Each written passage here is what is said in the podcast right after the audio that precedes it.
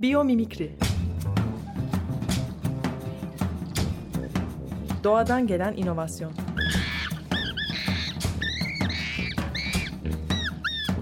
Hazırlayan ve sunan Zeynep Arhon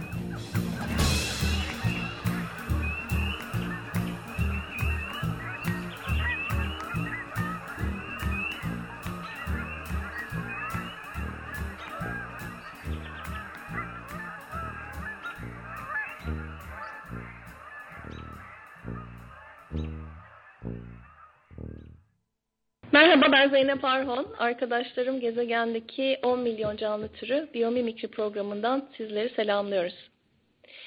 Bu haftaki konuğumuz bilim insanı ve aynı zamanda biyomimikri profesyoneli Sue Okerstrom.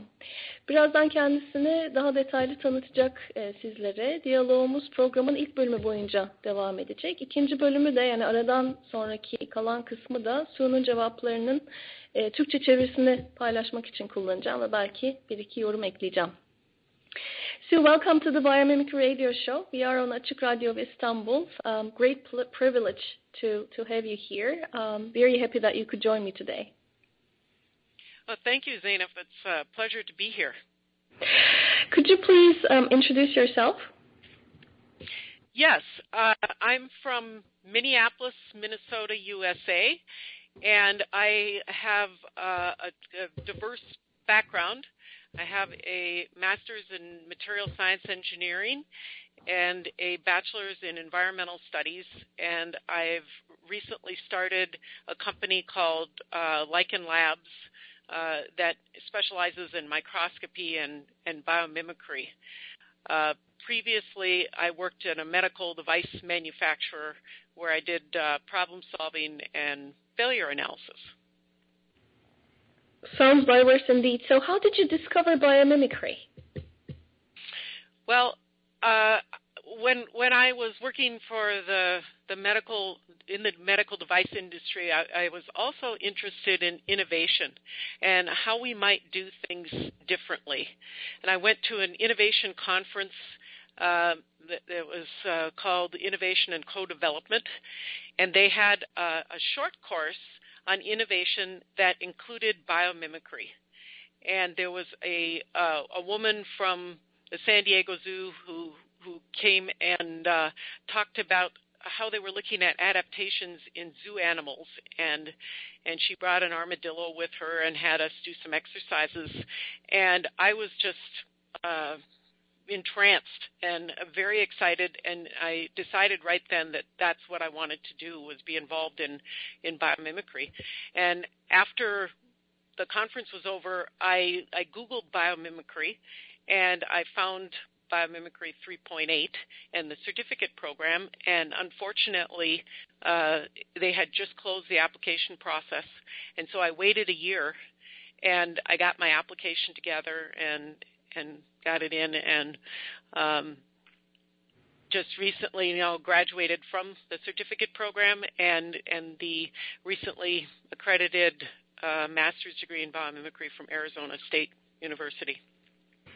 I know you had that great graduation ceremony in Africa. that was so cool. yeah, glad that you waited for a year. By the way, I haven't um, seen a real armadillo, but that's that's the next excitement for me. I, I really want to see one. that was fun.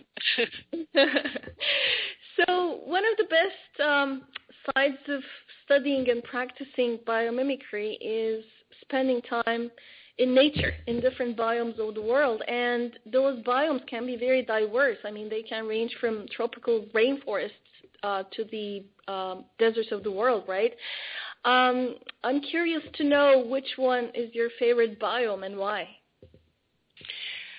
well uh, that's an interesting question because uh, when i went to the first biome that was in the boreal forest uh, in Montana for uh, in in our immersion.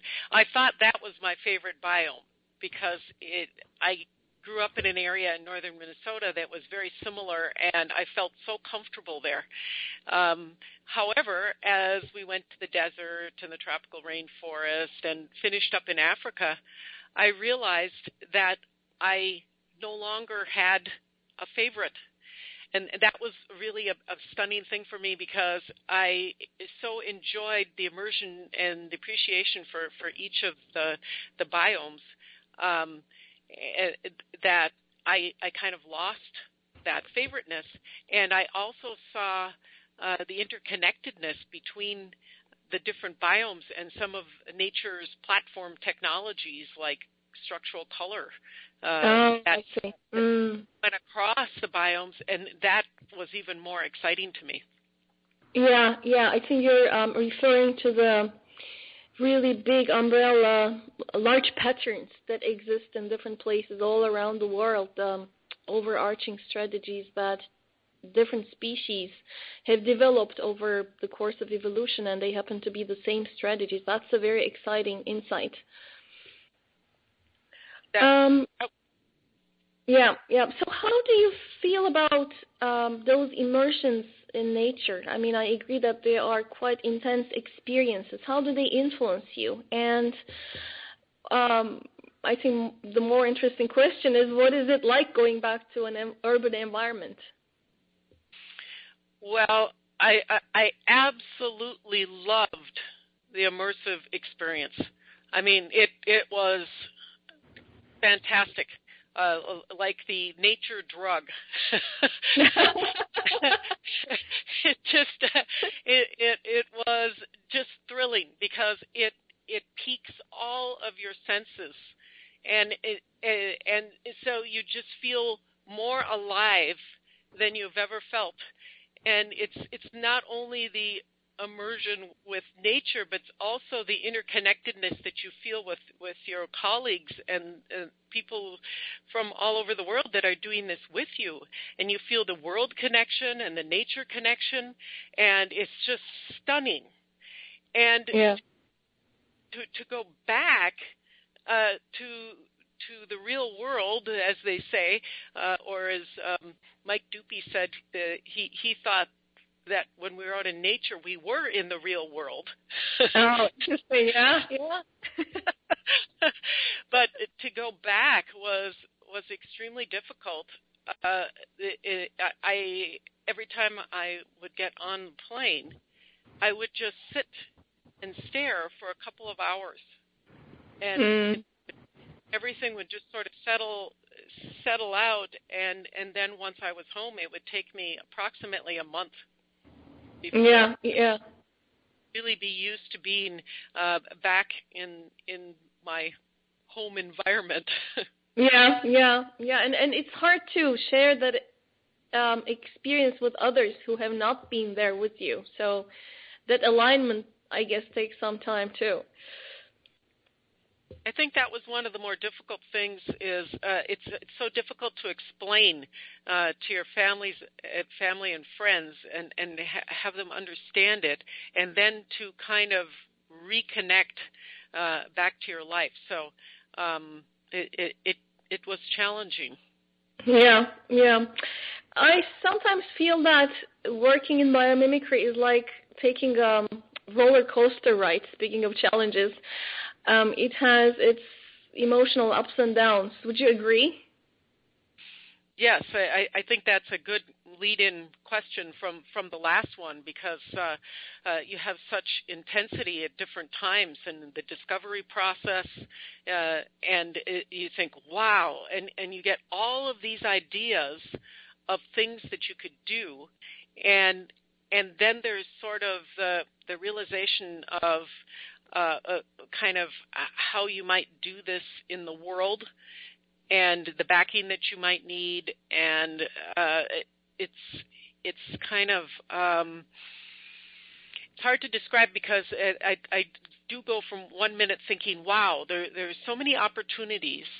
And uh, so many uh, great things that can come from biomimicry and that I want to mm-hmm. be a mm-hmm. part of it. And then there's also this pioneering aspect because things aren't established and you need to create things from scratch and your excitement doesn't necessarily translate quite as well to a lot of other people and places in the world and and uh, like the corporate environment for instance mm-hmm, mm-hmm. because that's partly why I left the company that I was at before because they they weren't they they said that the company wasn't ready for biomimicry. They weren't ready to to kind of look at things different or really take the risk because they were able to get revenue from their you know standing products mm-hmm and mm-hmm. why why take that kind of risk? So that's why i ended up uh, uh, starting the new business because i really wanted to work in this area. And so all of those are, are kind of the roller coasters and, and part of the, the growth process. I think the personal growth and and being able to change uh, society. It's it's a uh, there's a lot of growing pains involved. A lot of excitement yeah. and, and growing pains yeah, yeah. I mean, hearing your experience is really valuable because you, your background is very diverse. You are a scientist, and at the same time, you have a lot of experience working in a huge corporation, and at the same time, you're an entrepreneur. So, um, you have been involved in biomimicry at several different layers in your life, and I agree that it can be so frustrating to see um, the big corporate, the large uh, corporations who are now shaping how business is conducted do not always take the risks that um, we are so passionate about. Um, so sticking to the status quo, whereas we want to change a lot of things, um, uh, can be frustrating. I, I, completely understand where you're coming from. Um, so I guess a follow-up question is, what is it like to be both a biomimic professional and a material scientist and um, a microscopist? Well, it it actually goes together extremely well, and that's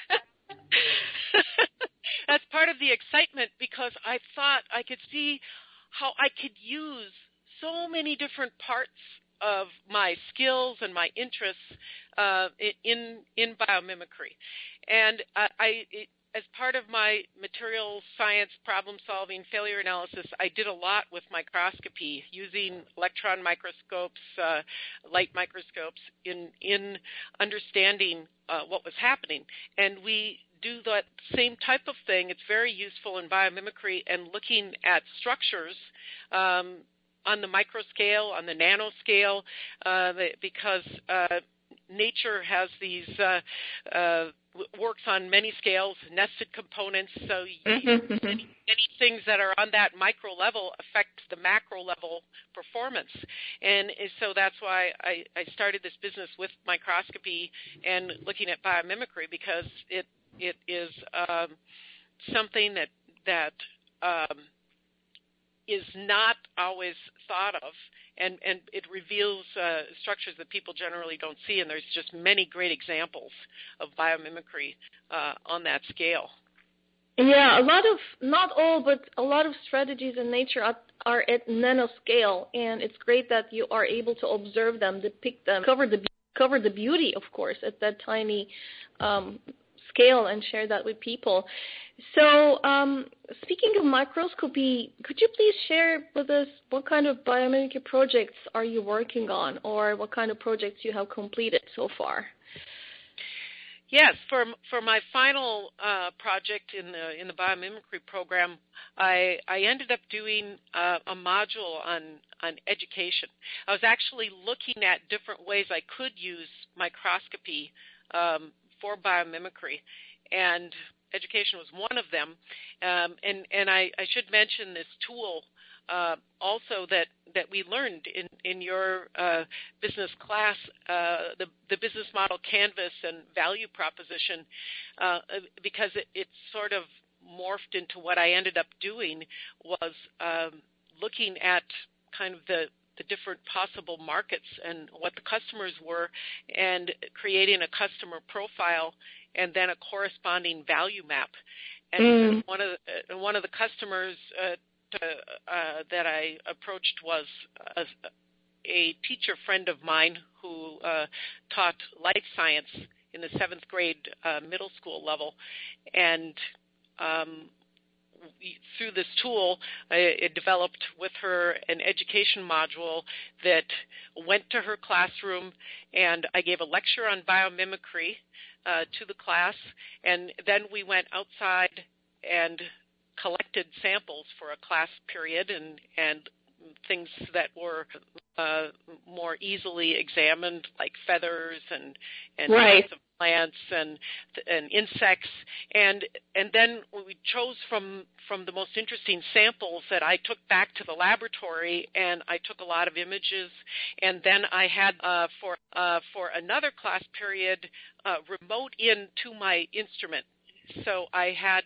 uh, the software where they could log in and they could see my desktop on my light microscope and wow. my light microscope just like they were there, and they could actually operate them. Any you know anything with the mouse control they could operate. And so I had uh, the bee antenna and the spinnerets on the orb weaver spider and uh, the different uh, feather parts and flowers and, and the dandelion, and they were just you know, fascinated because yeah. they had a little idea uh, about the organisms and about what biomimicry was, and then they sampled their samples. So they had a wow. base, and when they saw them, uh, they just they were so excited they had to go go and sit under the screen in the front of the classroom where it was projected, and then they were trying to figure out where I was, and you know it was really exciting. And one girl said, "This is why I'm going into science." Oh wow!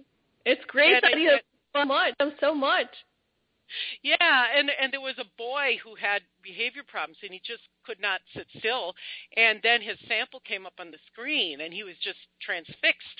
Oh. So it it really had an impact so much more than than I had imagined. And so I am trying to work now to see how this could be done expanded on a bigger scale and use and use and and and this school is taking it another level because not only in, in in, in addition, when we went out to collect samples, we also did eye sites and did some drawing and right. samples. And then they they were integrating it into a grant for, for arts and science uh, integration, uh, where they're now going to um, come up with a, a biomimicry application for the yeah, adaptation yeah. And they're going to draw them in art class and and then uh, market the product application that they come up with uh, in English. They're going to write a persuasive paper.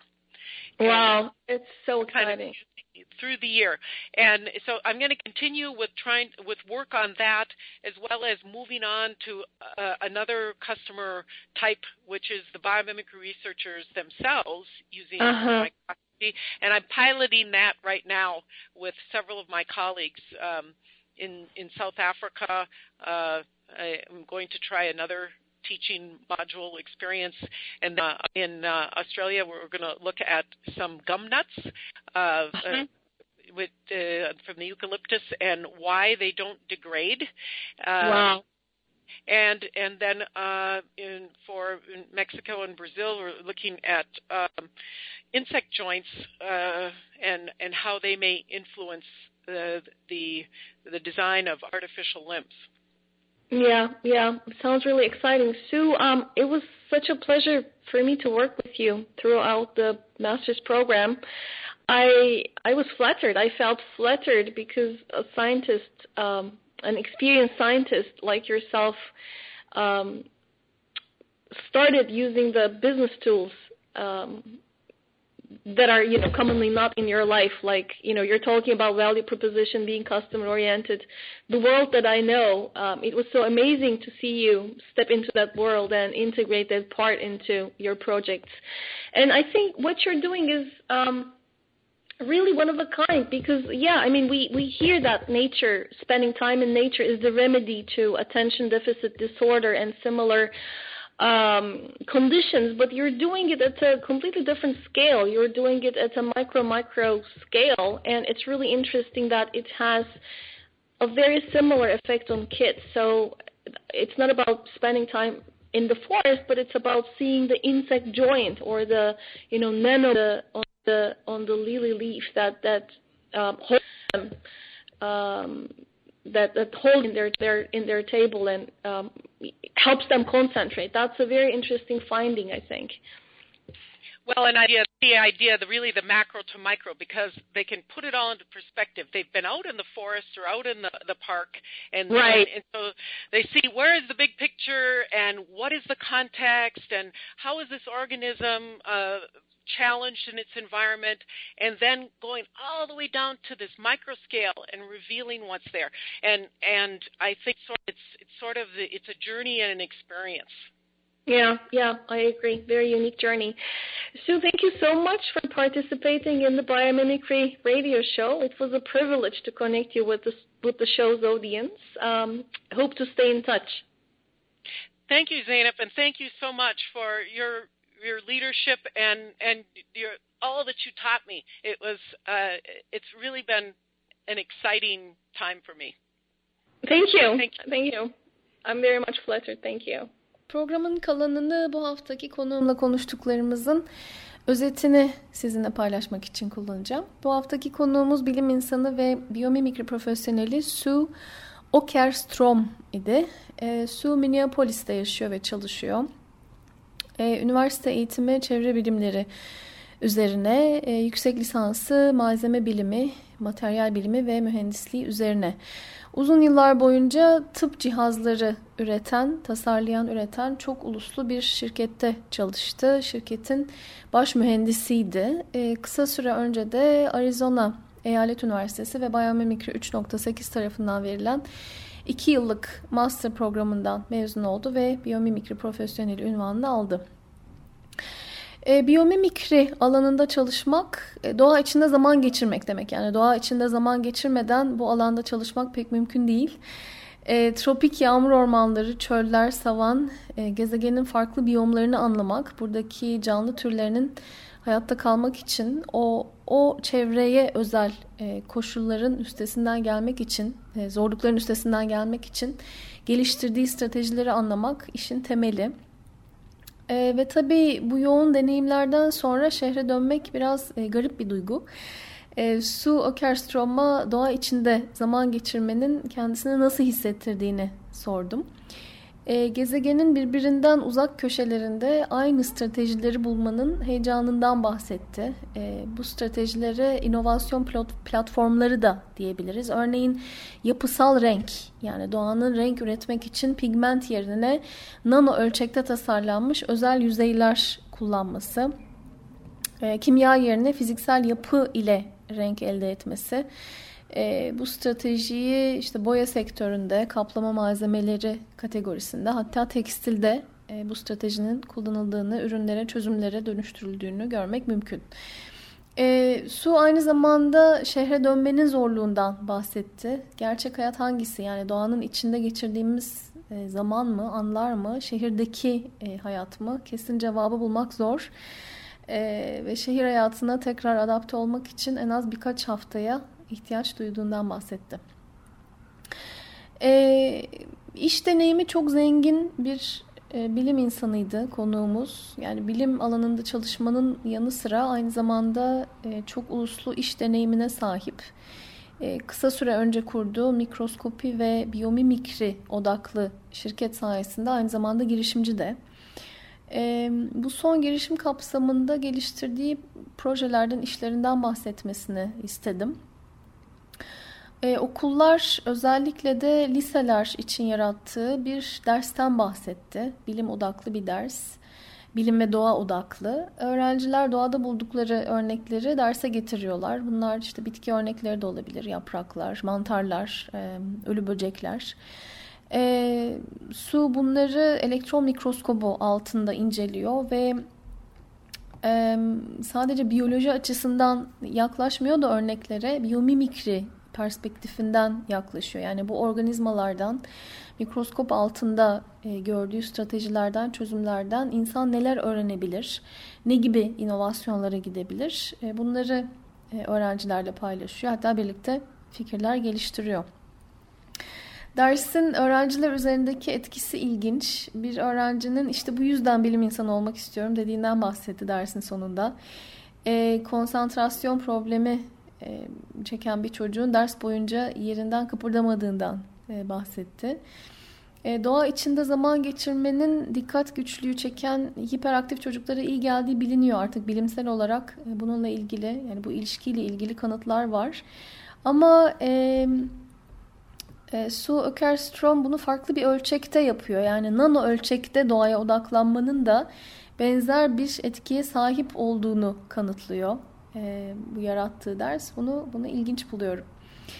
E, son olarak e, biyomimikri alanında çalışmanın nasıl bir e, deneyim olduğunu sordum. E, biraz kendi içimizde bunun e, inişleri çıkışları olan bir iş olduğunu düşünüyoruz. Su Okerstrom da aynı fikirde.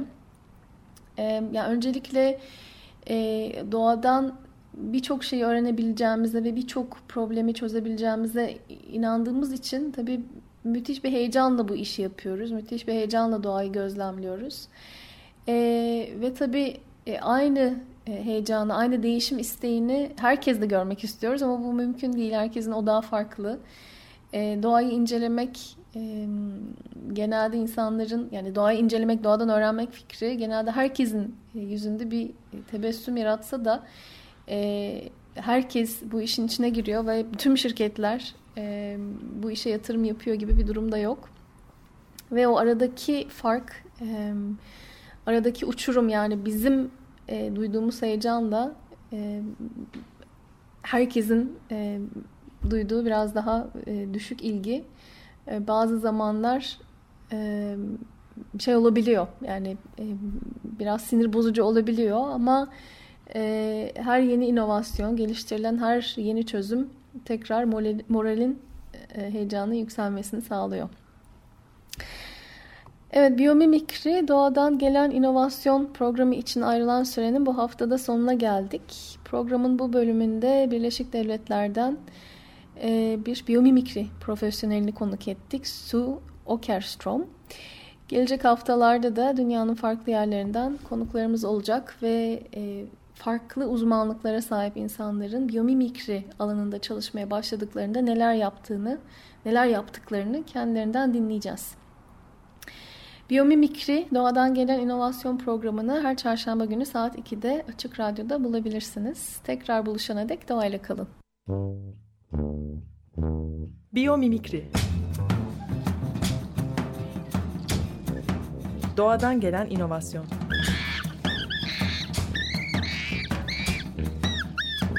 Hazırlayan ve sunan Zeynep Arhon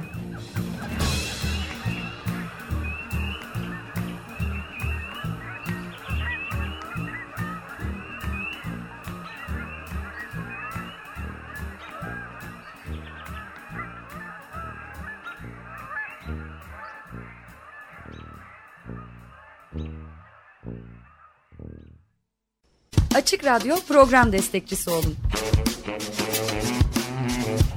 Bir veya daha fazla programa destek olmak için 212 alan koduyla 343 41 41